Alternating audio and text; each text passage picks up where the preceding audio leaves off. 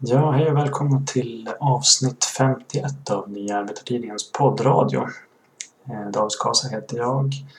Eh, med mig har jag tyvärr inte Jan Hägglund. Han eh, påstår sig ha gått i strejk den här veckan på grund av uteblivna arvoden.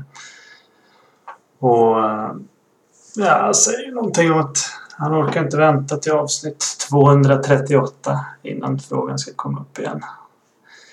Vilket ju är fruktansvärt löjligt. Och det värsta är att det går inte att muta honom längre med kanelbullar heller. På grund av att han har börjat äta hälsosamt. Så det, ja, det är ju en tragisk situation helt enkelt. Eh, och av det skälet så kan vi helt enkelt inte ha något avsnitt. Eh, det är det. Eh, så så är det.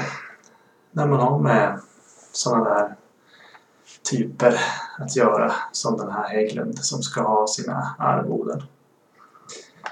Eh, ja, några skämt åsido så har vi en, en hel del att diskutera i kommande poddar. Vi måste bland annat berätta historien om hur Vänsterpartiets gruppledare i Umeå kommunfullmäktige har avgått men samtidigt sitter kvar på alla välbetalda poster som ger över 700 000 kronor per år. Så djupt har Vänsterpartiet sjunkit idag. Vi måste också diskutera den regeringskris som Sverige gått in i med anledning av försämringarna i lagen om anställningsskydd, LAS. Eh, nu har ju Moderaterna vänt och sagt att de är beredda att stödja ett misstroendevotum. Om Vänsterpartiet är beredda att, att ta upp den frågan i riksdagen. Och det här ställer ju allting på sin spets när det gäller den frågan. Så att vi kommer återkomma nästa vecka med ett nytt avsnitt och jag hoppas att du kan ha överseende med att eh, vi... Ja, det blir inget avsnitt den här veckan helt enkelt. Det är ju så med sådana här strejkande typer.